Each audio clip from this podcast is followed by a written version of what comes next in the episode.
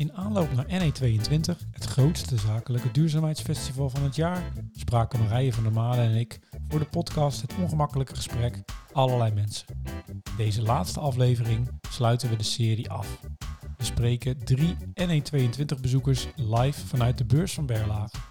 Bo Zwarts van Zwarts Koffie, Irene Koel van De Zoo en Sophie de Smet van Piano. We blikken terug kijken vooruit met directeur-bestuurder van MVO Nederland Maria van der Heijden. En Marije van der Made en ik ontdekken samen wat de podcastserie met ons heeft gedaan. Mijn naam is Michel van Kats.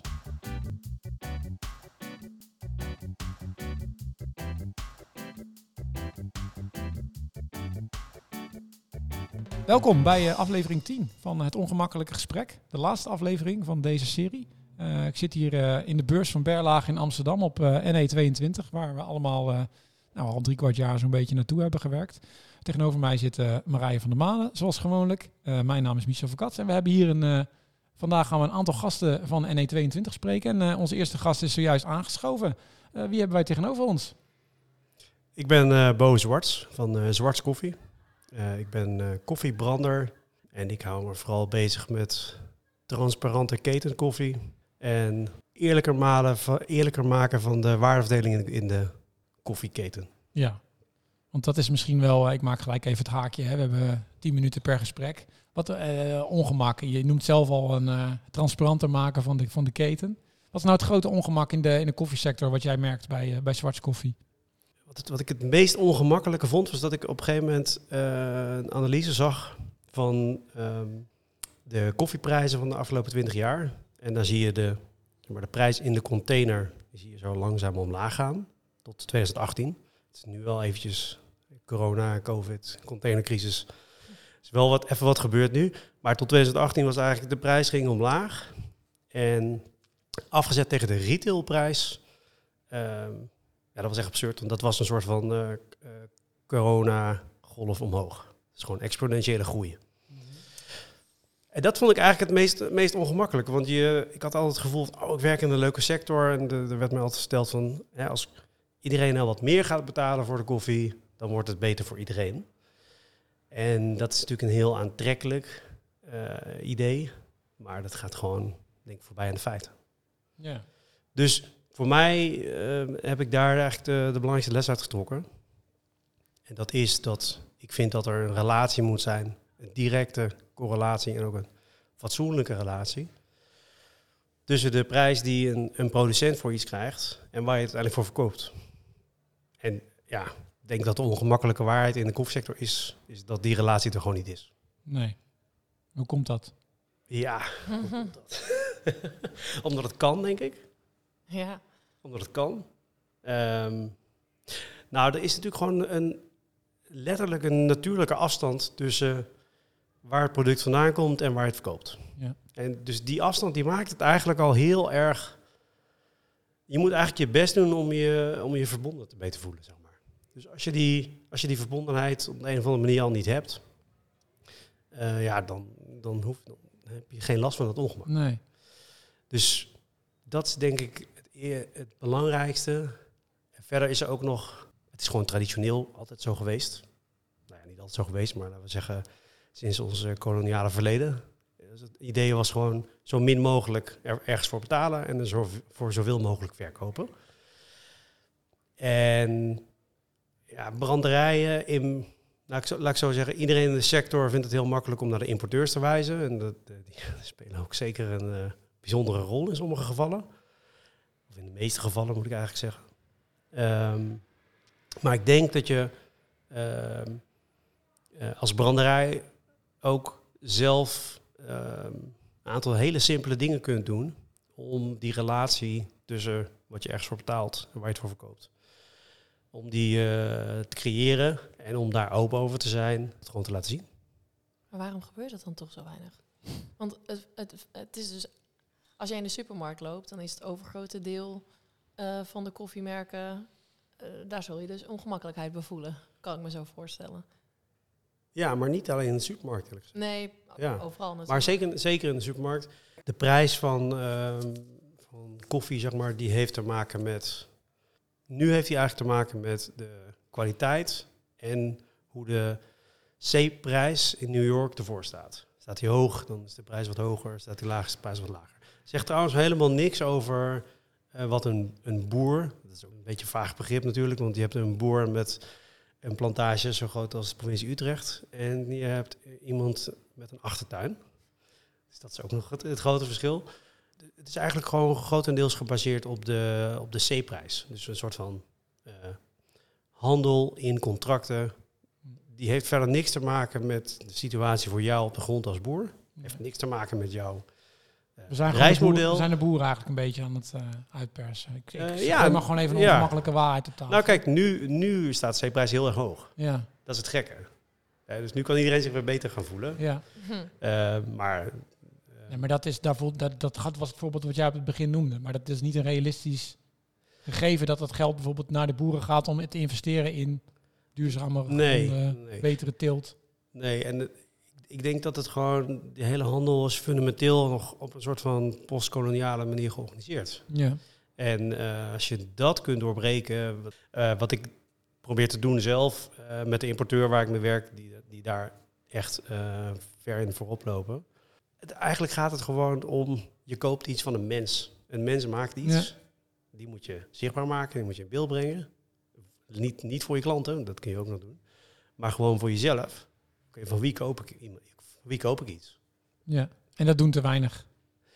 Ja, nou ja, het is ook een heel, heel grootschalige markt. Dus het is best wel, je moet echt wel je best doen om dat te doen. Ja. Het is veel makkelijker om gewoon ergens goedkope koffie te bestellen. En, nou, dit komt En wat wat heeft er bij jou toe geleid dat jij die moeite wil doen? Waar komt dat vandaan bij jou? Nou, omdat ik, het, omdat ik het zelf zo'n mooi product vind. Ik heb er heel veel ook aan te danken. Ik vind het leuk om met koffie te werken. wat heb je eraan te danken? Dat klinkt, dan word ik eh, nieuwsgierig. Ja. Nou ja, ik denk dat ik nu iets van 15 jaar geleden voor het eerst in een koffiebar ben gaan werken. En ik ben vanuit daar doorgegroeid. Eh, ben een beetje training gaan geven. Ik heb eh, heel klein een beetje als, als freelance barista gewerkt op evenementen. Ik heb zelf een pop-up café gehad. Ik heb, ehm, gewoon, ik heb gewoon ontzettend veel geleerd. Ik heb een soort van... Een, eh, nou, koffie was voor mij de mogelijkheid om een vak te leren Hmm. naast mijn studie. Ik heb rechten, ooit gestudeerd. Ah. Eh, maar ik vind het veel leuker om iets te maken, iets eh, wat een beetje abstract is, eh, waar je heel veel invloed op kunt uitoefenen, waar je de smaak eh, van kunt veranderen. Ja. Ehm, vroeger voor mij was dat muziek. Ik heb heel lang trompet gespeeld en ik heb eigenlijk mijn nieuwe passie in koffie gevonden. Hmm. Ehm, ja, dus zo eigenlijk. Hey, en ehm, je bent nu op NE 22. Ja. Je gaat een ode brengen aan het ongemak. Jullie staan hier. Jullie staan hier eh, lekkere koffie te schenken. Koffie die eh, duurzaam is, die wel eh, een eerlijke prijs betaalt. Eh, jullie zitten ook in een collectief samen met allerlei andere koffiepartijen. Het Future Proof Coffee Collective. Een, eh, ja, een eh, netwerk van MVO Nederland. Damn. Klinkt eh, heel onder, erg onder, onder leiding van, eh van Meijnen van de Graaf. Mijne is een eh, collega van mij. Eh, we hebben nog één minuut, maar ehm, zou je misschien nog een laatste beeld kunnen schetsen voor de luisteraar van waar werken jullie naartoe en wat is dan misschien het grote ongemak wat Zwarts en misschien ook wel samen met het collectief nou het komende jaar wil gaan aanpakken?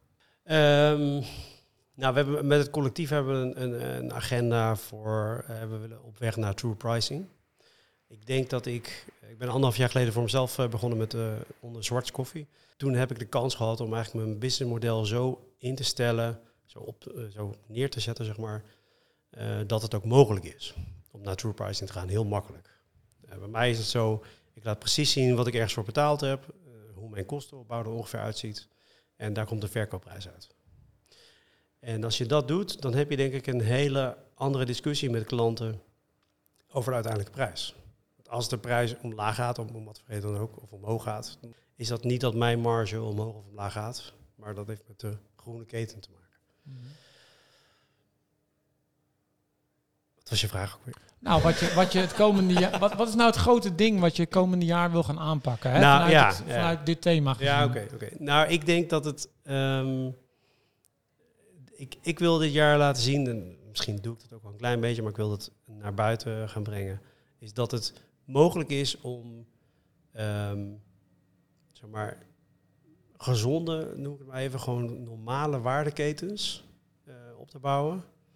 Eh, met een goed product. Wat je op schaal kunt, kunt eh, in de markt kunt zetten. En dat doen we nu onder andere met ehm, eh, Rijkswaterstaat. We roosteren alle, ik, ik rooster alle koffie van Rijkswaterstaat. En dat gaan we dit jaar ook doen voor het Radboud. Ehm, Dat wil je verder uitbreiden. wat zeg je? Ik zeg, dat wil je verder uitbreiden, die klanten. Ja, we- ik wil echt laten zien dat je hier nog dat je hier gewoon qua volume heel veel groter mee kunt doen. Ja, Want hoeft niet allemaal kleinschalig om. Het mag ook groot. Maar wel goed. ja. Het kan ook, het kan ook groot en goed. Het kan groot en goed. Het kan groot en goed. Dat is een mooie Ja. afsluiter. Een mooie afsluiter. Daar gaan we een bakje koffie op drinken, denk ik. Ja, Eh dankjewel Ja, jullie voor dit gesprek. succes. Hartelijk welkom. Irene Kool Dankjewel. bij eh, deze laatste aflevering van eh, de podcast Het Ongemakkelijk Gesprek. Ehm, Irene, je hebt eh, vandaag eh, twee mini-colleges gegeven Ja. eh, over het thema ongemak. Ehm, wat is nou het, eh, het grote ongemak in, jouw in jouw vakgebied? En misschien moet je dan eerst ook even zeggen wat jouw vakgebied eigenlijk precies is voor de luisteraar die eigenlijk geen idee heeft Nee, wie Irene Kool is. ja. Nee, nou, mijn praatjes gingen ook over ongemak bij creativiteit en innovatie. En dat is ook een beetje het domein waarin ik eh, leef, zeg maar. Ik ben geboren als reclamemaker ooit. Bij, ik zeg altijd FAV BBDO. Dat klinkt alsof er iets van de trap afrolt. Mhm. Maar dat waren alle mannen die in de naam wilden. Mhm. Frans en Heij, Veldman, Barton, Burton, Durstin en Osborne. Ik heb het reclamevak geleerd en daar leerde ik hoe je eh, dingen woest aantrekkelijk maakte. En ook hoe je creativiteit, hoe je creatief bent. En eh, dan kom je al gauw ongemak tegen, want je het moet het dan op afroep doen. Heel vaak zeggen mensen, nou, het idee dat verzin je onder de douche. Of eh, lekker bij een flesje wijn, dat zit iedereen heel makkelijk.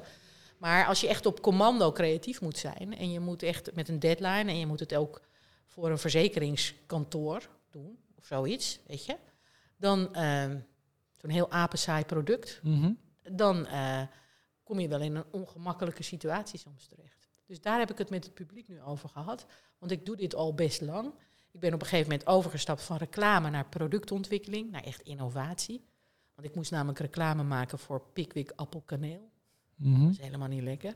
Dus toen dacht ik, wat zit ik nou in hemelsnaam te doen? Dus ik dacht, ik moet mij gaan bemoeien met producten en met diensten. Want als je die woest aantrekkelijk maakt en heel goed, dan hoef je nooit meer reclame te maken. Hoe Ja. leuk is dat? Dus, dat eh, eh, dus ik zit heel erg in innovatie en ik zit vanuit daaruit, help ik mensen om creatiever te denken. Om te denken in, ik noem het wel eens de honderdste vis. Mhm. Als je mensen vraagt om een vis te tekenen, nou denk maar eens even als je dit hoort, welke vis zou je dan tekenen? Nou, dan is dat altijd datzelfde visje, zo met zo'n driehoekje Ja. en dan links zwemmend of rechts zwemmend. Dat is volledig normaal. Maar als ik je nou vraag om nou een vis te tekenen die daar niet op lijkt, en weer die daar niet op lijkt, en weer die daar niet op lijkt, dan kun je je voorstellen, bij vis 100, daar word je een beetje origineel. Vis 35 misschien. En dat is wat we in deze transitietijd natuurlijk, worden we enorm uitgedaagd op onze creativiteit. Dus daarom heb ik nu een beetje als levensmotto, ik ben inmiddels al niet meer met, met echte commerciële zaken bezig, maar creativiteit in het sociale domein. Dus over dementie of over vluchtelingen of over armoede. Of, nou ja, dat, daar eh, eh, spendeer ik nu heel veel tijd en energie aan. Want ook daar is een bak aan creativiteit nodig. En ik wil mensen eigenlijk wakker maken op hun eigen creativiteit. En oproepen om die te omarmen en om daarvoor te gaan staan. En om dat te leren, hoe je dat moet doen. Omdat we, we hebben ieders creativiteit hartstikke hard nodig. Ja. En dan moet je wel ongemak durven te omarmen. Want zo'n. eh, het, eh, door creatief te zijn en om met op. En ik bedoel dan creatief niet eh, kleuren en ehm, heel erg goed kunnen Wat beeldhouden. bedoel je met creativiteit? Misschien wel een Nou, een beetje toegepaste creativiteit. Daar heb ik altijd een leuk anekdote bij. Er komen twee onderzoekers lopen in de jungle en die komen een luipaard tegen. Die ene onderzoeker die duikt meteen zijn tas in en die trekt als een, als een, haas zijn renschoenen aan. En die andere onderzoeker zegt, waarom trek je nou je renschoenen aan? Je denkt toch zeker niet dat je die luipaard eruit gaat lopen? En dan zegt die onderzoeker, ja, ik hoef die luipaard er niet uit te lopen. Ik moet jou eruit lopen. Dat soort creativiteit, daar Ja. heb ik het over. Dus ik heb het over straatslim. Ik heb het over probleemoplossend. Ik heb het over Wiki de Viking. Over eh, ja en, kansen zien. Eh, hè? En, en dat is, je kunt je voorstellen, dat is niet iets wat je op vrijdagmiddag met een glaasje, glaasje wijn... Dat is een levenshouding. Ja. Hè, dat, je, dat, je, dat je denkt in, wat nou als? Oh, dat zou te gek zijn. Ja. En als je dat enthousiasme daar ook in kan leggen, dat je echt, dat er lichtjes aangaat. Oh, en dat het ook zin heeft wat je dan maakt, weet je, dat het duurzaam is, dat het de wereld een beetje beter maakt, dat het, dat het te gek is. Ik, doe dat, ik geef af en toe les op de Design Academy. Mhm. Nou, dat is helemaal, helemaal leuk natuurlijk, want er zitten allemaal mensen die in vis, vis 200 al zitten. en dat, dan word je daardoor aangestoken. Dan word je daar helemaal vrolijk van. Als je dan met elkaar iets verzint wat een probleem enorm oplost. Ja. Dan geeft dat. Dan krijg je een euforietje. Je- Dat is ook een soort het is gewoon drugs. Maar dat is, je krijgt een soort euforietje in je hoofd. Waar je zo. En dat is denk ik de endorfine. Dat je dan. Dan word je helemaal blij van. Dat is dus dan heel leuk. Mhm. Maar om daar te komen. Moet je door wat ongemak. Door een ongemak heen. Denk je dat juist de groene, bewustere bedrijven echt nog behoorlijk wat te leren hebben op dat vlak? Op dat is de creativiteit beter vermarkten? Zeker wel, omdat ze natuurlijk, denk ik, ja. Eh, ook omdat ze vaak wat verbeten zijn in hun reis naar de wereld beter maken. Daar zit wel een soort drammerigheid soms op. Hè? Een soort van bedweterigheid ook Geboren uit wel. irritatie Geboren misschien. uit irritatie. Of echt, mensen met een missie zijn soms ook heel irritant. ja. Hè, want die zijn dan helemaal zo verbend. Waarom begrijpen ze me nou niet? Weet je wel? Drammerig. Hè? En dat is juist niet de, het sentiment en de, en de emotie waarin je mensen meekrijgt. Je moet een beetje weten te Mhm. verleiden. Je moet mensen als een soort klein duimpje de, de broodkruimeltjes, nou, hè, zodat ze zeggen: Kom maar, ga maar mee. Het wordt hartstikke leuk. Doe je Ja. met me, word je fan van me? Nou, als je fan van iemand wordt, dan moet je ook een beetje, je moet een beetje plezier maken. Er mag een beetje gelachen worden. Je moet, het moet niet te zwaarmoedig zijn. En ik, Mhm. het is natuurlijk wel lastig, want soms zijn de onderwerpen hartstikke zwaarmoedig. Hè? Heel erg. Dat je denkt, pff, weet je, en dan, en, dan, maar, en dan is het moeilijk om dan lucht. Ik kan daar wel een voorbeeld van geven. Bij de Design Academy. Daar wilden ze 10, 15 jaar geleden allemaal nog eh, eh, Marcel Wanders worden. Of Piet Hein Eek. Weet je, echt lampen maken. Tegenwoordig zitten ze allemaal op social design. Dus dementie, vluchtelingen, eenzaamheid. Een goed voorbeeld daarvan is dit. Ze kregen de opdracht om in een wijk in Eindhoven, waar heel veel burenruzie was. En heel veel eh, grimmigheid. En niemand groette elkaar. Een hele onaardige bende. En toen zeiden we tegen ze, gaan jullie nou eens interventies verzinnen, waardoor die mensen weer leuk doen tegen elkaar. Ja. En eh, eh, elke maand een druppeltje liefde, elke maand een druppeltje gezelligheid. Kijken wat er gebeurt met zo'n groep. Gingen ze bedenken, zei, eh, gingen ze, dachten ze, weet je wat, wij gaan 50 appeltaarten bakken. Ze gingen naar de kringloopwinkel, hebben ze 50 van die grote borden gehaald. En hebben ze, eh, eh, maar bakten zo'n appeltaart op zo'n bord. Dan belden ze aan bij iemand en zeiden ze, de buren vroegen me dit even af te geven. Die hebben een taart voor u gebakken. Ze willen alleen het bord terug. Oh, Dat soort interventies. fantastisch. En ineens, ineens gingen ze Ging ja, die borden terugbrengen en bedanken met een bloemetje. En nou, nog eens een praatje maken. Waarom dan? En, eh, nou, en huppakee. Je kunt je voorstellen, als je dat, dat is ook creativiteit. Ja, En dat is binnen een ongemak net even een ander visje brengen, het honderdste visje brengen. Waardoor de lichtjes aangaan, waardoor je mensen weer in de verzachting, in de verbinding brengt. Dus ehm, op jouw vraag, dat gevoel, hè, dat social design, dat, dat, dat warme, dat aantrekkelijker maken, dat zouden ze beter kunnen doen. En dan is natuurlijk de logische wedervraag. Misschien wel voor de luisteraar die bij een duurzaam bedrijf werkt en hier naar luistert. Wa- Wat zou dan jouw hè, honderdste vis, heb je gezegd, maar jouw, jouw gouden tip? Wat, wat is het wat je moet... Moet je misschien iets toelaten? Moet je een blokkade weghalen? Hoe, hoe kom je daar? Nou, probeer eerst even bij jezelf te reflecteren. Hoe zwaar zit je in je materie? Hè? Zo overtuigd van jezelf zijn. Zo vol van jezelf zijn en zo drammerig dat willen. Kun je daarvan afstand nemen? Kun je, kun je daar naar kijken en zeggen, dat is inderdaad waar. Dat is mijn missie. Dat wil ik heel erg graag. Maar dat is niet wat ik ben. En om daar te komen heb ik ook andere kwaliteiten nodig. Moet ik wat speelsheid toelaten? Moet ik ook, hè, als, je, als je je bewust bent van waarom je dat dan moet doen, en misschien kan je dat zelf niet, maar kun je mensen inhuren of kun je je collega's, of hè, dat er net even iets meer ontspannenheid, want laten we wel zijn, eh, eh, zo'n zo'n zo'n reis is vaak ook lang. Het is niet zo dat je dat in een dag hebt gedaan. Je Nee. hebt heel veel tijd nodig, dus het gaat tijd kosten. Dus dan moet je ook heel goed voor jezelf zorgen. En om je eigen energie ook goed te managen, is het ook belangrijk dat je wat speelsheid, dat je af en toe jezelf kan relativeren. Dat je humor, dat je jezelf niet te serieus neemt. Nee, En dat, dat gebeurt wel die, eens. die, die, als je die karaktereigenschappen in je team kan inbrengen, dan denk ik dat je succesvoller bent. Ja. Ja, het is wel grappig. Het doet mij denken aan dat wij op NE hier een boksring hebben staan. Met eh, letterlijk twee eh, mensen, twee stemmen in de duurzame wereld. Die ineens niet meer op een stijf podium staan, maar met bokshandschoenen aan. Ja. Daadwerkelijk met een opkomstnummer en al. eh, de discussie aangaan. En ze weten wel dat ze elkaar nodig hebben. En het is ook een beetje een act. Maar die speelsheid, ik, Ja. mijn ervaring zag al, ik zag al gelijk, dat het ook zorgde voor een soort luchtigheid, voor energie, voor, voor creativiteit. Ja. Juist om, om dingen net even iets anders te doen. Ja. Eh, daarnaar te kijken, daar ook je bewust van zijn. Hè? Dus dat het in die hele eh, reis, dat je af en toe even weer terugstappen. Je moet eigenlijk je werk natuurlijk in 70% van je tijd kunnen doen. Ja. Hè, dat is altijd de gouden regel als ondernemer. Weet je dat? 70% van je tijd, zodat je 30% overhoudt om even naar achter te kunnen stappen, even te reflecteren, even te kijken waar kan het leuker, waar kan het beter, waar kan ik net even. Want het is uiteindelijk belangrijk, dat vergeten die ondernemers, die zijn zo vaak van de inhoud. Maar als wij, als je geen verbinding hebt met mensen, dan kan je de inhoud er niet overheen laten Nee. lopen. Als jij op glasvezel zit en ik zit op een modem, weet je, dat ding, dan kan ik allerlei dingen zenden naar jullie, maar dan komt het gewoon niet aan. Nee.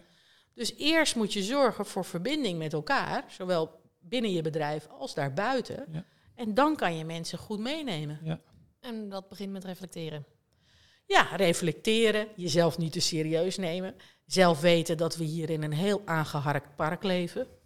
Hè? Daarom ga ik af en toe naar India. Nou, daar kom je heel nederig van terug. Ja, Dan, eh, hè, dan ben ik altijd even, dan weet ik weer, oh ja, dat is even weer Ja. Earth Calling Irene. Weet je, even een reflectiemoment voor mezelf. Word je gewoon een beetje bescheidener van. Ja. En dat is, eh, dat is heel gezond. En ook, eh, hang, eh, ha- zoek af en toe even een andere bubbel op. Als je Ja. zelf in je eigen bubbel de hele tijd zit. Dat helpt ook wel. Met de Design Academy, met jonge mensen. Of met gewoon echt iets totaal anders. Nou, nou, Libelle Zomerweek. Weet ik veel. Gewoon iets doen wat je helemaal nooit doet. iets. Ja. Lekker even... Lijkt mij een mooie oproep naar de luisteraar, want ik zie dat we al eh, ruim over de tijd zijn. ja. Oké. Heerlijke tip, dankjewel. Graag gedaan. Dankjewel Irene.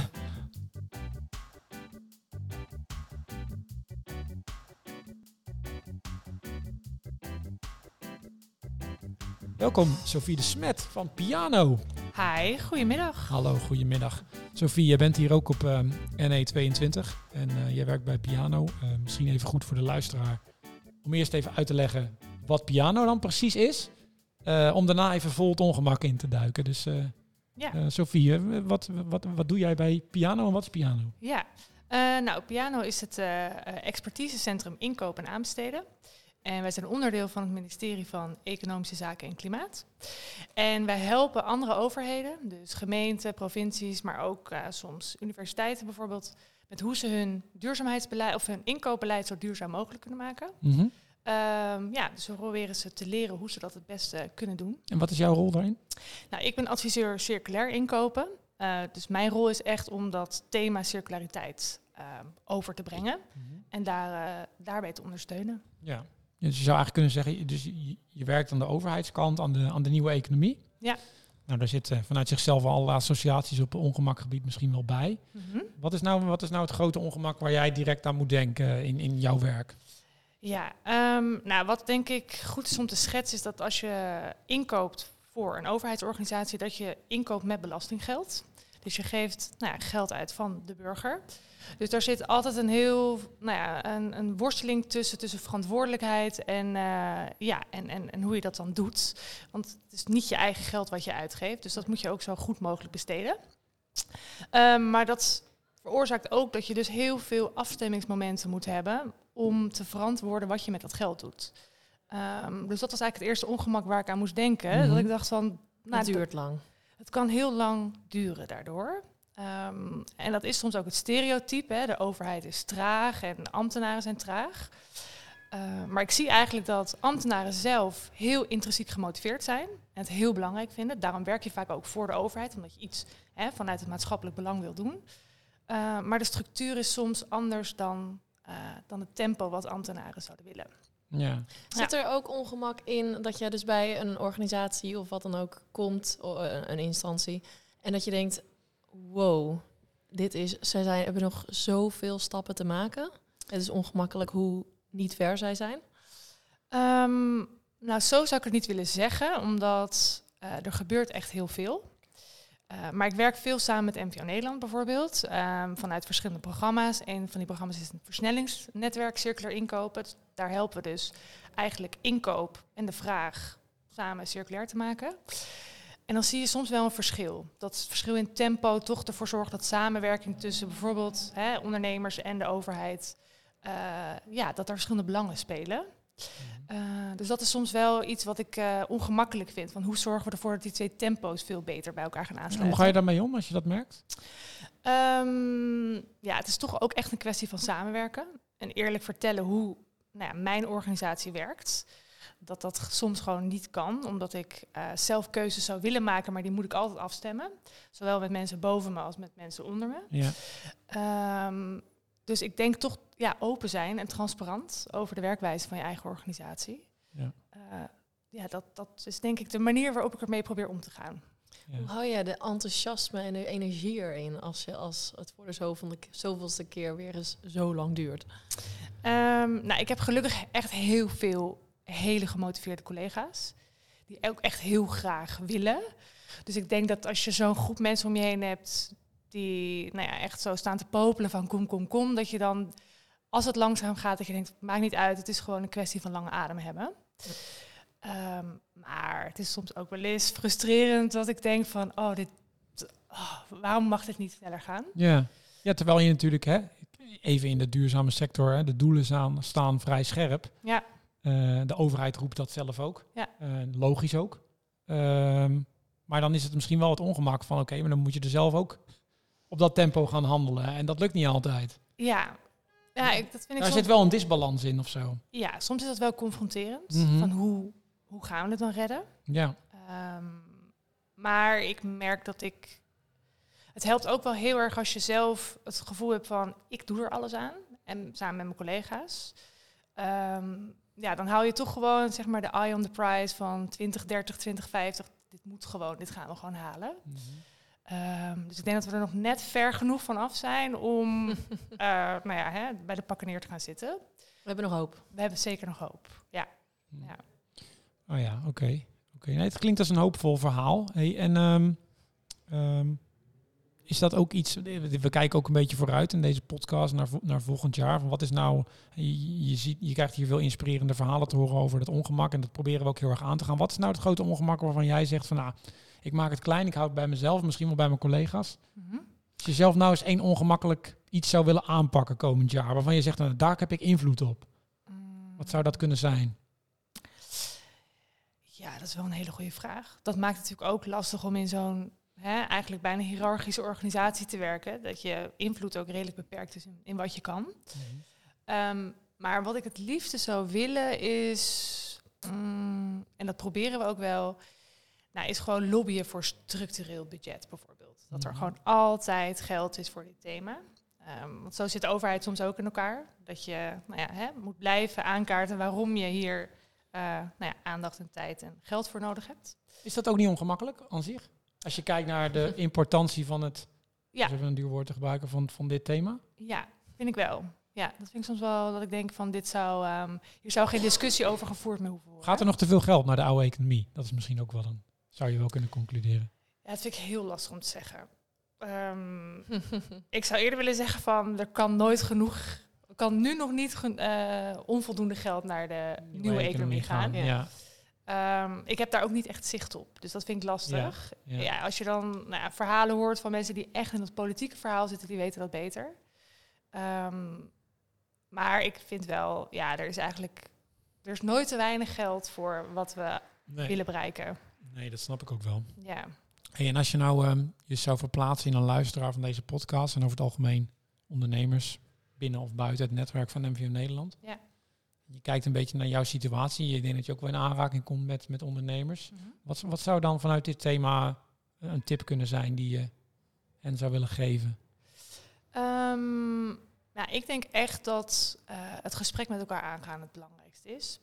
Je merkt toch hè, vanuit nou ja, ondernemend Nederland is er toch vaak het idee van ja, die mensen in Den Haag in hun ivoren toren, die schrijven beleid en ja, ook, hè, ook als het over inkoop gaat, die gooien een vraag in de markt eh, die totaal nog niet duurzaam is of eigenlijk al achterhaalt. Of, en dan geeft de markt heel duidelijk aan van we kunnen al veel meer of we kunnen sommige dingen juist nog helemaal niet. Ehm, en je ziet in dat soort trajecten, dus ook echt als het over inkoop gaat en aanbod, dat het zo belangrijk is dat mensen met elkaar praten.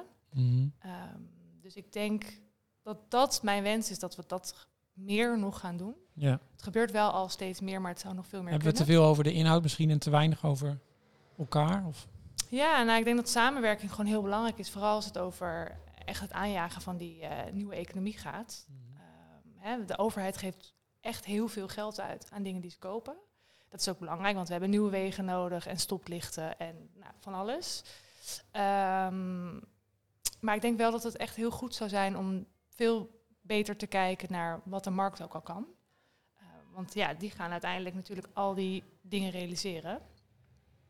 Eh, ja, dus ik zou echt, ja, dat zou mijn wens zijn en ook, eh, In gesprek gaan. ja, en eerlijk en open zijn. Want En Ja, in gesprek gaan met elkaar of gewoon überhaupt met de overheid? Of Ja, ik zou zeggen eigenlijk vraag en aanbod. Dus hè, de inkopende organisaties vanuit de overheid. Dus gemeenten, provincies, eh, maar ook ziekenhuizen, dat soort organisaties. En dus ondernemers die al die producten en werken en, en diensten leveren aan overheidsinstanties. ja. Dat daar veel beter het gesprek over, eh, Ja. tussen die twee partijen eigenlijk veel meer gesprek ontstaat. ja, Zodat je uiteindelijk de meest duurzame oplossing precies. krijgt. En het is vooral denk ik dus ook een zaak van gelegenheden creëren om dat gesprek te Ja. voeren. Want ik denk dat veel ondernemers ook wel in hun eigen...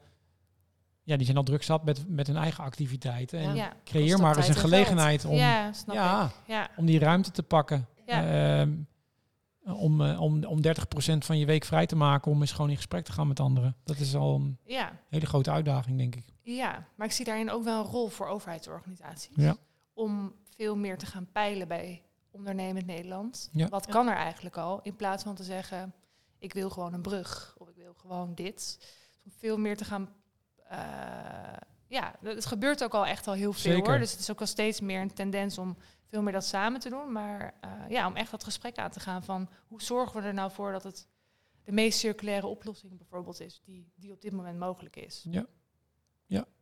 Nou, in het kader van gesprek Duidelijk. aangaan. Ja, Wij zijn hier het gesprek aangegaan. Ik denk dat hier heel veel gesprekken ook plaatsvinden op dit festival vandaag. Dus eh, nou ja, wou niet heel goedkoop. Aan ons zal het niet liggen. nee, precies. Lekker ongemakkelijk. Wordt genoeg lekker ongemakkelijk. Nee, ik, eh, we zitten alweer op de 10 minuten. Dus eh, ik wou jou graag eh, danken voor je tijd, Sophie. Ja, jullie ook. En veel plezier nog vandaag. Dankjewel.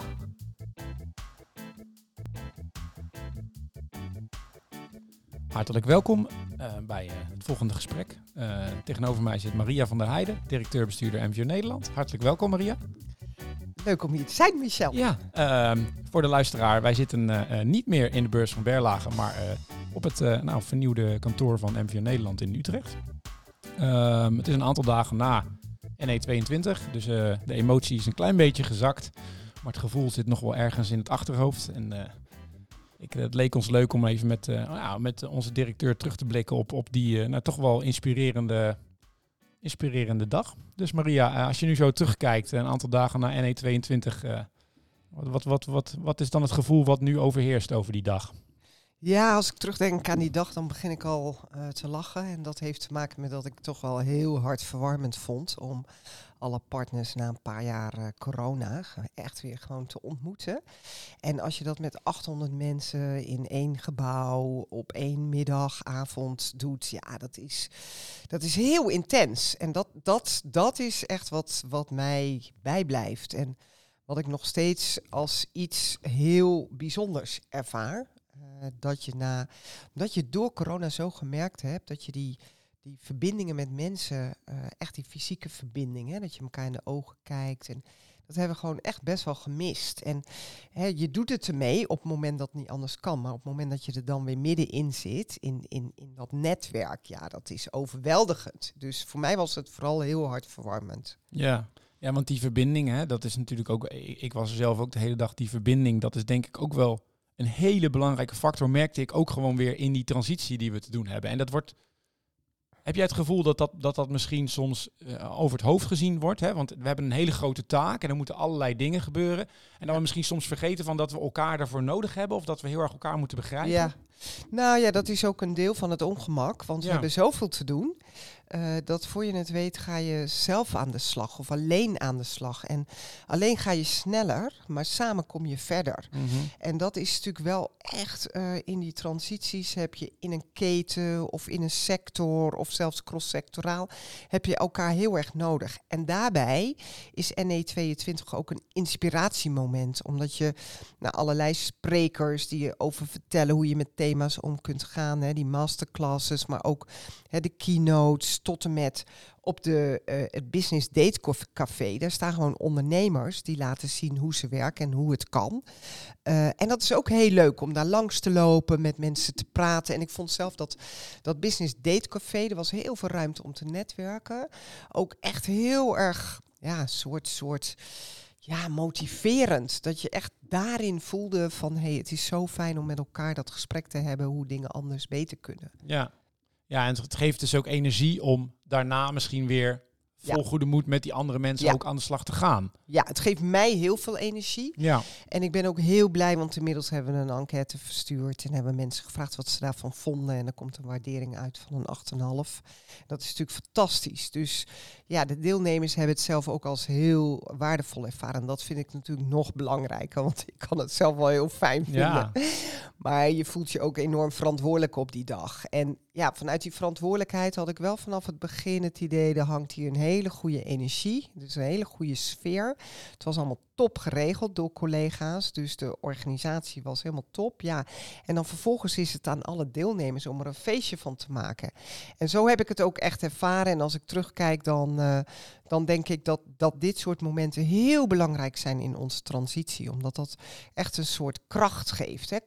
Ja, levenskracht Mhm. om die transities eh, met elkaar te doen. Want het Ja. vraagt natuurlijk toch ook wel uithoudingsvermogen. Ja. ja, dus jij zegt eigenlijk het is echt essentieel dat we eens in de zoveel tijd dit soort feestjes wel blijven, Ja. blijven vieren. Ook al is de situatie misschien al in de wereld om ons heen niet per se een reden om een feestje te vieren. Nee. Maar is het wel iets Ja. wat je kan stimuleren en motiveren om juist die uitdaging aan te gaan.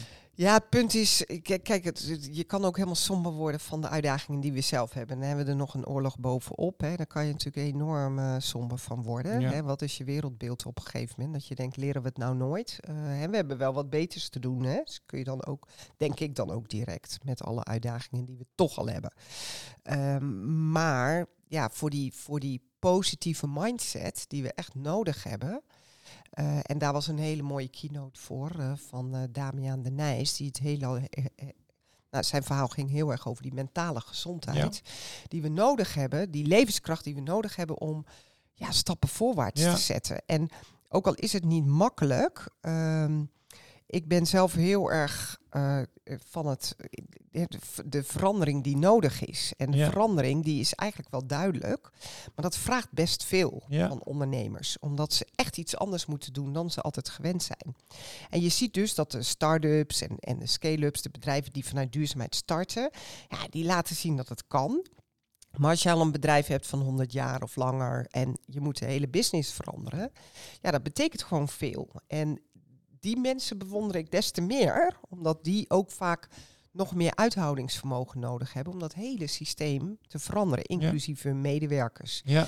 En ik zie daar ook echt wel, op dit moment gaat het helemaal niet meer over waarom we moeten veranderen, want dat is wel duidelijk. Het gaat veel meer over hoe dan. Ja. En daar proberen wij met zo'n NE22, met keynotes en met eh, eh, masterclasses en de gesprekken echt een bijdrage aan Ja. te leveren. Ja. Ja, en dit jaar, eh, misschien een mooi bruggetje, hè, van het is echt niet makkelijk, eh, was het thema een ode aan het ongemak. Ehm, je hebt natuurlijk op het podium daar al iets over verteld. Hè. Het, het evenement werd zelfs geïntroduceerd met een hele hoop aantal krantenkoppen die nou, een behoorlijk ongemakkelijk gevoel konden bezorgen bij de, eh, bij de bezoekers. Wat, wat, als je nou terugkijkt op dat thema en, en, en, en kijkt van wat hebben we nou te doen de komende, komende jaren, kun, kun je daar een, een bruggetje in slaan? Van, wa- was, Nou, wat ik in, in dat thema zelf heel belangrijk vind, is eh, de rol van bestuurders en commissarissen. Eh, dus ik verwacht echt wel van de leiding van een bedrijf. En dat kan ook een MKB-bedrijf zijn. Hè? Daar, eh, daar hebben we ook bestuurders die noemen zichzelf directeur of gewoon collega. Maar d- daar verwacht je echt wel van dat er een visie is op hoe dan die transitie eh, inhoud en vorm te geven en congruent gedrag. Ja. En daar hebben we natuurlijk een aantal voorbeelden van laten zien, even aan het begin van NE22, dat met alle verhalen via de media, dat je dat niet altijd terugziet. En het is helemaal niet erg als bedrijven fouten maken, want bedrijven eh, die fouten maken, mensen die fouten maken, zo moet ik het eigenlijk zeggen, dat, dat hoort erbij.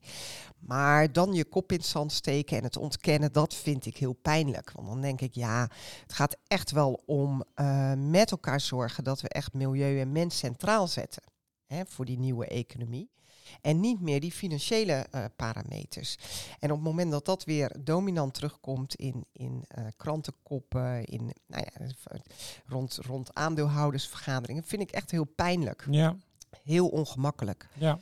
En eh, daarom, nou, behalve NE22, doen we ook een serie hè, met een aantal universiteiten om dat ongemak in die boardroom echt te bespreken. Omdat ik echt verwacht van leiders, hè, mensen die eh, visie, strategie ontwikkelen voor bedrijven, dat ze dit echt tot in de haarvaten verankeren in bedrijven, verbinden met het DNA van hun organisatie. En ook inderdaad zich daarna gedragen. Mhm. Dus daar hoort een beloningsbeleid bij. Daar hoort hoe ga ik met medewerkers om? Hoe betaal ik medewerkers? Nou, en daar zijn de afgelopen periode, vind ik best wel wat eh, ja, negatieve verhalen over Ja. verschenen. Dus dat, dat is het ongemak wat we ook dienen te benoemen. Ja. En dan niet nemen en shamen, want daar gaat het me niet om, maar meer het bewustzijn creëren dat we echt iets anders te doen hebben met elkaar Ja. waarin we een cultuur eh, creëren waarin gelijkwaardigheid van mensen voorop staat en zorgen voor die natuur. Hè, voor die eh, ene moeder aarde die we hebben. Dus als we zowel vanuit mens als vanuit die aarde ons ondernemerschap en de economie goed inrichten, ja, dan hebben we wel wat te doen. Nou, dat noemen wij dan die nieuwe economie. Ja. Maar dat vraagt echt wel eh, veel stappen. En daarin is het heel mooi als je die ondernemers die dat al laten zien dat het kan, kunt verbinden met bestaande bedrijven die daardoor geïnspireerd raken, die nou, kunnen samenwerken met start-ups om, om zeg maar die nieuwe manier van ondernemen ook te integreren. En dat is dan denk ik ook de taak die jij voor MVO Nederland ziet weggelegd de komende jaren. Dat Ja. is die verbinding. Ja, wij zijn echt transitiemakelaars. Hè? Dus Ja. zorgen dat die transitie gaat werken door bedrijven bij elkaar te brengen. Vanuit sectoren, rondom thema's. Dus altijd meerdere bedrijven, eigenlijk mensen hè, hebben we het dan over. Om gezamenlijk na te denken hoe die transitie geïntegreerd kan worden in de onderneming of in de sector of in de keten of in de branche. eh, om te zorgen dat echt eh, dat nieuwe ondernemen het nieuwe normaal wordt. Ja.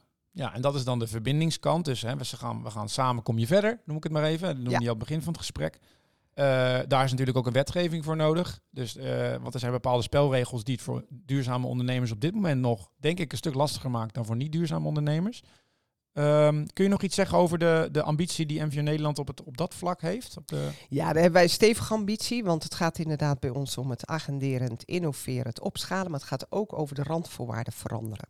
En die randvoorwaarden betekenen dat eigenlijk de spelregels van de overheid, zowel in Nederland als in Brussel voor Europa, veranderd dienen te worden ten gunste van eh, eh, duurzaam ondernemen. Hè, van die nieuwe economie betekent bijvoorbeeld dat hè, belasting op arbeid verlaagd moet worden, belasting op vervuiling, milieubelasting verhoogd moet worden. Maar ook dat die duurzame ondernemers de wind in de rug krijgen. En dat ze support krijgen. Eh, de overheid heeft al heel lang een maatschappelijk verantwoord inkopenbeleid. Handelen ze niet naar. Hè, 30% wordt maatschappelijk verantwoord ingekocht, dus 70% niet. Hm. Dus de overheid heeft een hele belangrijke rol om hier grote stappen in te zetten. Nou, en dat geldt voor nou, duurzaam bouwen in de woningbouw, hè, waar we een enorme opgave hebben ten aanzien van het hele stikstofdossier, eh, biodiversiteit. Dus er liggen hele grote opgaves in Nederland waar de overheid echt de spelregels Ja. bepaalt. Nou, daar, als je kijkt nu naar eh, het nieuwe kabinet, zit daar echt alle ingrediënten in. Maar nu na een half jaar verwachten we wel dat hè, echt het beleid eh, staat van hoe gaan we dat dan concreet met elkaar doen. Nou, daarover had ik gisteren nog een gesprek met, eh, met Rob Jetten, de minister van Klimaat.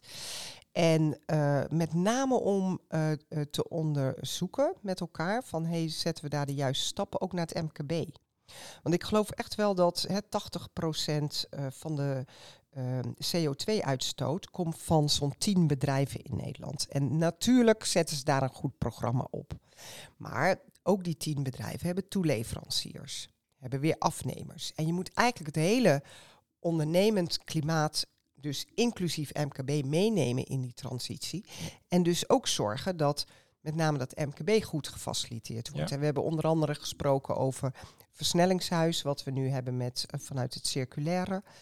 Ehm, dat we eigenlijk die, die, dat model van dat versnellingshuis ook heel goed kunnen toepassen voor het klimaat. Waarbij we matchmaking doen, maatwerktrajecten en moonshots.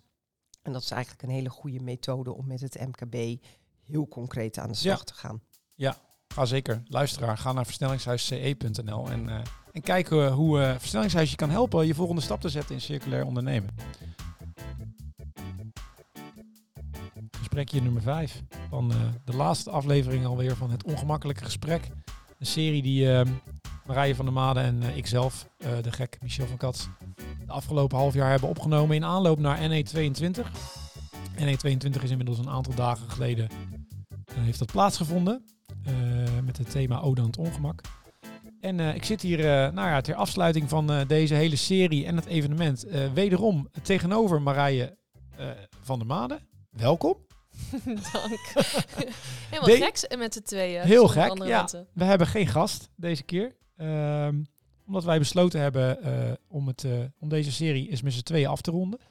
En om eens terug te kijken op, eh, op nou, de serie die we hebben opgenomen, de ongemakkelijke gesprekken die we hebben gevoerd.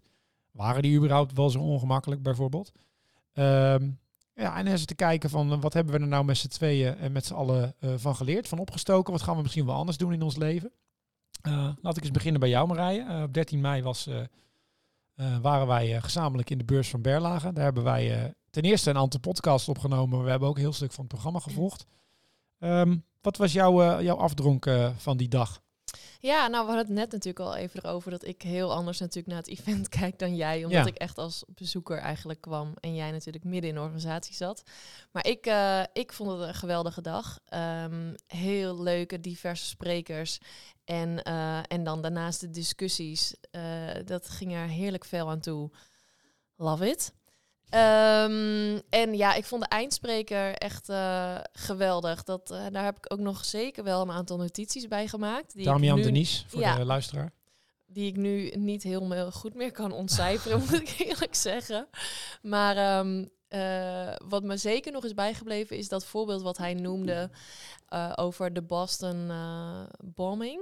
Weet je dat nog? Ja, ja, ja, ik kan me herinneren, ja, bij de marathon. Ja, over gewoon eh, zo'n klassiek voorbeeld van hoe, hoe wat voor impact media heeft. Dus dat eh, heel in het kort gezegd bleek het dat de mensen die dus de media hadden gevolgd over die bombings in Boston, dat die eigenlijk meer eh, mentale klachten daaraan overhielden dan de mensen die daar daadwerkelijk bij waren geweest. Ja. Dus zo zie je maar. Dat vond ik echt ehm, heel sprekend. Ik kende dat voorbeeld nog niet. Nee, ik ook niet. En ik moet zeggen, nu jij me er zo over herinnert, denk ik, oh ja, die maakte ook wel indruk op mij. Ehm, maar, eh, maar goed. maar om- vertel jij eens eventjes. Ja, wat vond ik er eigenlijk van, hè? Ja, Nou ja, misschien wel goed voor de luisteraar. hè. Zo'n evenement eh, was natuurlijk, eh, dat speelt een hele tijd door de organisatie MVO Nederland heen. Ehm, het zou in eerste instantie ook in januari plaatsvinden. Bleek een of andere pandemie doorheen te komen, waardoor we eigenlijk nog vier extra maanden hadden om het te organiseren. Ehm, maar dat, dat zo'n evenement begint eigenlijk al in de zomer daarvoor. In de zomer van 2021 hebben wij al een grote brainstorm eh, op het bedrijf, op, eh, bij MV Nederland gehad. Om dat thema te bedenken en een lijn te bedenken voor, ja, voor, zo'n, voor ons grote, grote evenement. Want dat is het. Dit is ons grootste evenement wat we in het jaar organiseren. En als je dan na nou ja, zo'n negen maanden voorbereiding, eh, na honderden draaiboeken, sprekers Mhm. doornemen, teksten doornemen. Nou ja, je wil het zo gek niet weten, van de catering tot aan uh, deurbeleid. Alles moet geregeld worden. En als je dat dan op zo'n dag zelf um, ziet, dat dat, dat dat eigenlijk gewoon goed loopt. En dan zie je blije gezichten. Je ziet dat het programma werkt. Je ziet dat uh, het er allemaal strak en goed uitziet. Ja, dan, dan, dan, dan, dan vervult dat je wel met uh, een soort van trots ook. Hè? Dat, en terecht hoor. Dat, ja, dat we dat, dat we dat als team ja. tussen de bedrijven door. Hè. We hebben een grote opgave en er zijn heel veel andere dingen ook die MV Nederland doet. Dat we dat toch uh, ja, tussen de bedrijven door hebben kunnen doen. En um, nou, misschien wel leuk voor de luisteraar. Er is ook een enquête uitgegaan naar de bezoekers. En die geven gemiddeld nu een 8,5. Ja. oh, sorry, ik bouwde de spanning niet zo goed op.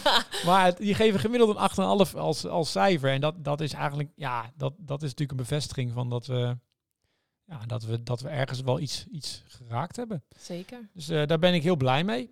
En ja. Uh, uh, dus ja, kijken we nu alweer uit naar het volgend jaar. En we hebben over uh, de eerste brainstorm voor 23 staat alweer gepland. eh. Lekker, doorpakken. Maar goed. Ehm, we hebben dus ook in aanloop daarnaar, dit is aflevering 10, de laatste aflevering, ongemakkelijke gesprekken gevoerd. We hebben negen mensen aan tafel gehad. Van allerlei uh, allooi, wou ik maar zeggen. Ja. Ehm, verschillende kanten. Verschillende kanten van het branches. ongemak. Ja. ja. En daarin getracht om, uh, nou ja, enerzijds vanuit, uh, vanuit de, de bedrijfskant noem ik maar even, waar ik dan mezelf even als van vertegenwoordiger voor zie, uh, deze te bevragen over dit thema. En, en jij dan meer vanuit je, ja, je, je, jouw expertise als, als, nou, je hebt een heel boek zelfs erover geschreven, over ongemak in, in duurzaamheid zelfs, zou je kunnen zeggen. Ja, misvattingen. Precies.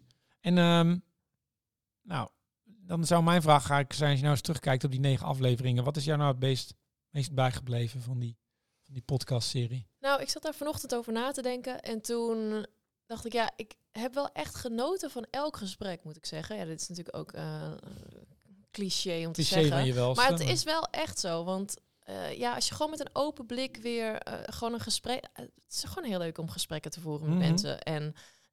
Um, en, en die expertise een beetje eruit te peuteren. Dat klinkt vies. maar um, nee, wat, maar wat me één ding wat als ik één ding mag noemen, dan wat ik heel gewoon inspirerend vond was um, met Lin Sebeda. Um, dat hoe zij gewoon wat zij vertelde over hun bedrijf, dat ze hebben gezegd van we gaan dit tien jaar doen en daarna stoppen we. En ik vond dat ergens, uh, ja, ik vind dat zo inspirerend dat ik Um, ja, ik weet niet. Ik vraag me af of dat een goed idee is om door meer uh, bedrijven ook een keer te omarmen. Want ik denk ook dat wat duurzaamheid of, of vooruitgang of verandering soms in de weg zit, is dat we mensen natuurlijk graag, uh, weet je, wel, we houden heel graag vast aan, ja, maar we doen het altijd al zo. En um, ja, weet je, veranderen is misschien soms moeilijker dan opnieuw beginnen. Mm -hmm. Dus er zijn zoveel bedrijven die nu veranderen en willen verduurzamen willen of verbeteren of weet ik veel wat, inclusiever worden. Maar wat als je misschien gewoon, is het niet soms beter om de hele zooi weg te doen en gewoon opnieuw te beginnen? Ja.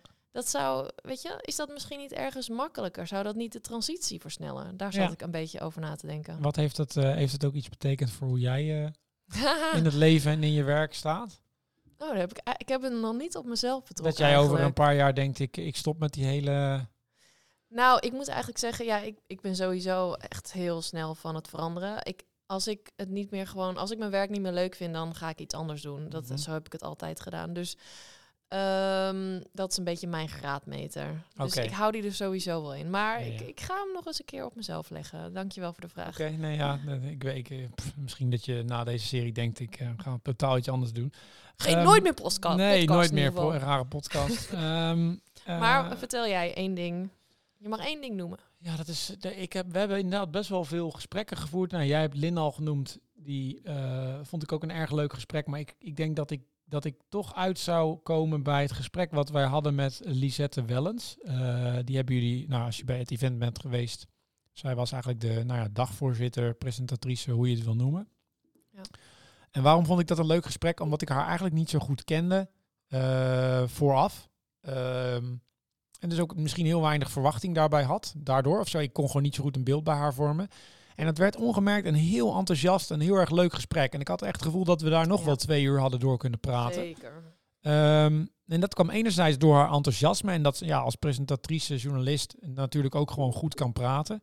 Maar anderzijds ehm, hebben wij het ook heel lang gehad over een uitdaging die ik ook in mijn eh MVO Nederland carrière wel merk. Is dat eh, we in de eh, duurzame transitie best goed zijn in bedenken wat er allemaal moet gebeuren en hoe we dat allemaal moeten doen. Sterker nog, daar, eh, eh, ja, en die opgave is heel groot en het kan dus heel al- alles overweldigend zijn. Maar een heel menselijke reactie daarop kan zijn van oeh, ik moet nu wel heel veel doen. Of eh, jij probeert mij allemaal dingen in de schoenen te schuiven wat ik nu moet doen. Terwijl ik ben al zo druk met mijn dagelijkse business. Dat het alleen maar meer zeg dat, tegenwind op Ja. wekt dan dat je er gemotiveerd bent om ermee aan de slag te gaan. En de essentiële factor daarin is dat je een soort verlangen moet gaan voelen of een soort ja, een emotie moet, een warm gevoel van binnen moet krijgen van dat je dat wil. Een intrinsieke motivatie is altijd de basis Ja. om in actie te komen. En een belangrijke rol daarin speelt dus ook communicatie. En ehm, ja, en Lisette die voelde daar wel in mee als, als journalist. En dat het gaat over verhalen vertellen en eh, mensen raken. En daardoor de verbinding creëren. En als je die verbinding hebt, daarna pas kijken van... Oké, die verbinding voel ik. En dan heb ik dus de motivatie om daadwerkelijk ook in die actie te gaan komen. En dan kan je ook prima met een fantastisch uitgewerkt rapport komen met allerlei stappen of een stappenplan of wat dan ook. Maar je moet eerst het gevoel hebben. En eh, dat heeft bij mij wel echt voor een kentering gezorgd, ook in ja, de manier hoe ik ook in andere projecten bij, eh, bij MVO Nederland aan het werken ben. Dus, dus ja, dat, dat, vond, dat is een gesprek wat mij eh, het meest is bijgebleven. Het was niet per se ongemakkelijk daardoor, het was eigenlijk heel erg gemakkelijk. ja. maar het was wel, ehm, het heeft me wel een andere manier, op een of andere manier aan het denken gezet. ja. Ja. Want heb jij ongemak ervaren tijdens onze gesprekken, Ja, dat is een goede vraag. tijdens onze podcast? Kijk, we noemen, onze, we noemen ons gesprek het ongemakkelijke gesprek. En is de vraag, hebben wij het nou echt ongemakkelijk gehad? Ja. Ik heb daarover zitten nadenken en ik denk dat, om nou te zeggen dat ik het heel ongemakkelijk heb gehad, nee. Nee, Ik, er, tenminste, er is niet een moment wat mij nu direct te binnen schiet waarvan ik dan denk, oeh, Oeh, zweten. dat was ongemakkelijk. Kijk, er waren wel wat momenten misschien dat, dat je een gesprek denkt van, mm, het komt niet helemaal lekker, hè, hij loopt niet helemaal lekker of, of ik stel hier de verkeerde vraag op het verkeerde moment of Ja. ik voelde niet helemaal lekker, misschien ja, niet helemaal lekker aan waar we het gesprek heen moesten sturen of zo. Aan de andere kant dacht ik dan ook wel weer van ja, dat is ook heel menselijk. Want Precies. eh, ik denk dat de kracht van een podcast er juist ook heel erg zit dat het niet te veel geregisseerd is en dat het ook spontaan kan ontstaan. En dan kan het dus ook zo zijn dat je even een klein dipje hebt in een gesprek. Ehm, maar om nou te zeggen dat het dan heel ongemakkelijk is, weet ik niet. Ja, het voelde dan voor mij minder. Dat vond ik dan minder geslaagd, sommige stukjes. Ongemakkelijk, nee. Misschien te weinig. Nou ja, ik denk dat het ook gewoon zit in het benoemen. Mhm. Puur het benoemen. Dat eh, de insteek is natuurlijk al, het mag ongemak, of zeg maar, we gaan het hebben over ongemakkelijke onderwerpen. Onderwerpen waar misschien niet iedereen allemaal eh, even goed van op de hoogte is. Ehm, en het insteek is gewoon vragen stellen. En Ja. dat, nou ja, gewoon juist dat benoemen, dat haak je eigenlijk naar die podcast met Victor. In een Zeker. date is dat natuurlijk ook echt een nummer één tip. Zeker. Ik kan maar beter gewoon meteen zeggen, ik ben zenuwachtig of ik Ja. ben, ik vind het ongemakkelijk of wat dan ook. Ja, Want dan haal je meteen alle druk en spanning, of alle, in ieder geval een groot deel van de druk en spanning eraf. ja. Dus dat is ook gewoon, het is ook gewoon eigenlijk een hele goede insteek van ons geweest. Het is een hele goede insteek geweest. Ja, nee, zeker, zeker. Ja, en, dan, en ik moet zeggen dat over het algemeen eigenlijk, nou, bijna zonder uitzondering hebben al onze gasten zijn daar heel open in geweest. Ja, Hebben ook echt wel zelf durven benoemen wat zij ongemakkelijk vinden in, in hun leven, in hun persoonlijke ehm, carrière. Ehm, nou, misschien nog het enige waar ik dan nog wel over nadenk is, we hebben ook met een politicus gezeten. En daar merkte je wel een beetje dat, hoewel hij heel eh, charmant, aardig en heel graag over dingen wilde praten, dat als zodra we over ja, toch een beetje de politieke kant eh, gingen, merkte je wel wat ongemak in eh, dat hij niet altijd alle antwoorden kon geven. Ja. Maar dat snap ik dan ook wel weer of zo. Ja, echt vanuit functie. Ja, Dat, en dat, dus, eh, dat was misschien nog wel, nu, nu jij dat zo zegt, denk ik, oh ja, daar zat nog wel een klein beetje ongemak in, omdat je dan ziet dat hij ehm, ja, dan ook gewoon het D66-standpunt graag wil vertellen.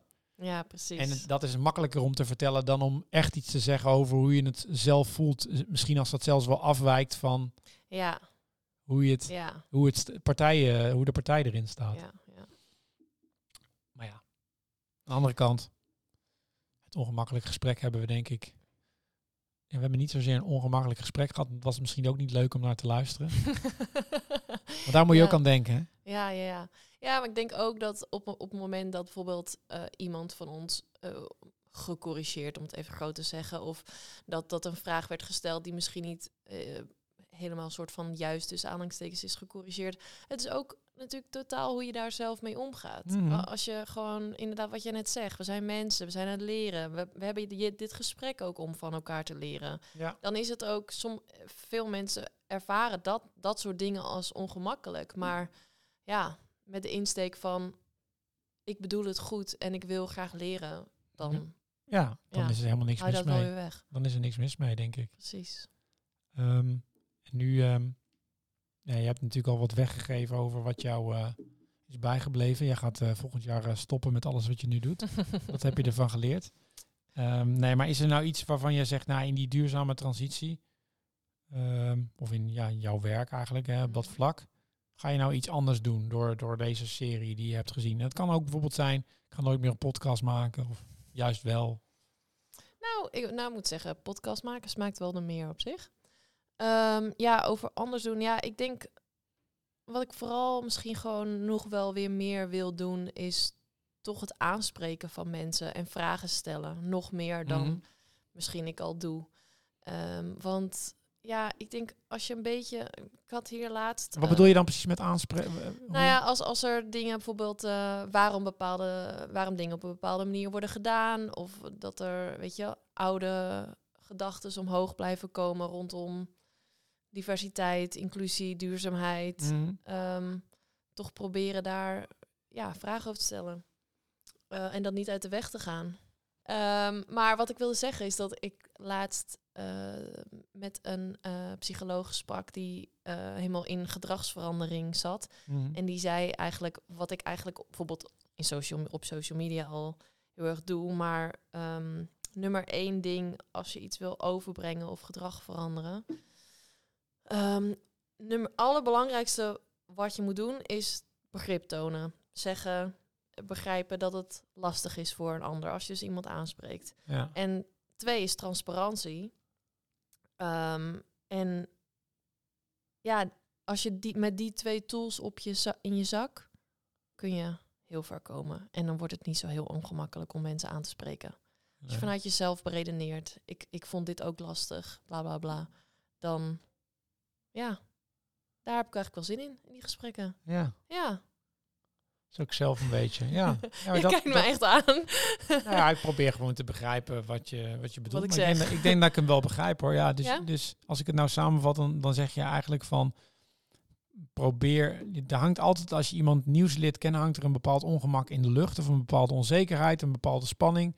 En dan gaat het jou gewoon, jij zegt eigenlijk van benoem nou ook je eigen onzekerheid, je eigen spanning, je eigen gevoel. Begin daar nou bijvoorbeeld eens mee. Of spreek Ja. dat gewoon uit op hè, ergens. Precies. En dan level je ergens op een gegeven moment met elkaar. En dan volgt daarna volgt een leuker, beter, inhoudelijker. Ja, en, gesprek. en dan kun je doorgaan met kritische vragen stellen. Bijvoorbeeld, ja. Ja. Ja. En ik dus eigenlijk ook we- wel weer echt dus dat mensgerichte waar we het net eigenlijk Ja, volgens mij buiten de podcast over hadden. Dat, ehm, dat we allebei volgens mij weer meer willen kijken naar mensgerichtere. mensgericht. De rol van de mens in, in ja, dat wat we moeten doen als wereld. Ja, in, in de verandering. Ja. Ja. Misschien En jij? wel- oh, ik wou net zeggen, misschien is dat wel een mooi einde. Oh. wat, wat, wil je, wat wil je nog van me weten? Ja, heb, heb jij iets wat je denkt... eh, Wat ik nog ga veranderen? veranderen? Oh ja, nou ja. Ja, ik, ik denk dat we dat, dat precies dit. Ja, die, wat ik eigenlijk al zeg. Mooi afsluiten. dat, keer, dat keerpunt heb ik al een beetje bereikt gedurende die serie. Ja. Dat, Ja, ik, mooi. dat ik echt dat. En ik merk dus ook al nu dat we met, met een project ben ik nu bezig waarin ik dit al probeert te implementeren wat gaat over eh, natuurvriendelijke landbouw. Waar we een aantal eh, eh, bedrijven willen meenemen op een reis om te begrijpen of te voelen vooral waarom het nodig is dat de landbouw in een transitie moet Ja. En dus niet per se gaan vertellen, dit en dit zijn de problemen en de hele landbouw eh, en de pesticidengebruik zorgt ervoor dat eh, de bodem, de water, eh, alles Mhm. vervuild raakt. En dus moeten we ABC gaan doen. Nee, we gaan eerst eens beginnen met nou eens voelen en, en, en uitleggen van wat de situatie nou eigenlijk is. Ja. En ze dus ook letterlijk op plekken zetten waar je dat goed kan voelen. En nou, dat is eigenlijk al best wel een goed voorbeeld van wat eigenlijk indirect komt door dat ene gesprek wat we in deze serie hebben gehad. Dat is prachtig. En dan gaan we kijken of dat gaat lukken. Ja, Ja. tof. Heel benieuwd naar. Oké, Dankjewel voor deze leuke gesprekken, Michel. ik wil jou heel erg bedanken voor, jou, eh, voor, jou, eh, voor jouw deelname en jouw, eh, de reis die wij gemaakt hebben eigenlijk. Nou, Door, door Nederland en door, door de hoofden van al onze gasten. Ja. Wordt het nu ongemakkelijk? Nou, dat weet ik niet. Dat laat ik aan, dat laat ik aan de luisteraar. Oké. Hey, dankjewel. Dank voor het luisteren van onze podcast Het Ongemakkelijke Gesprek. Wil je nu meer inspiratie? Volg MVO Nederland op Spotify en ontvang vanzelf nieuwe afleveringen in jouw feed.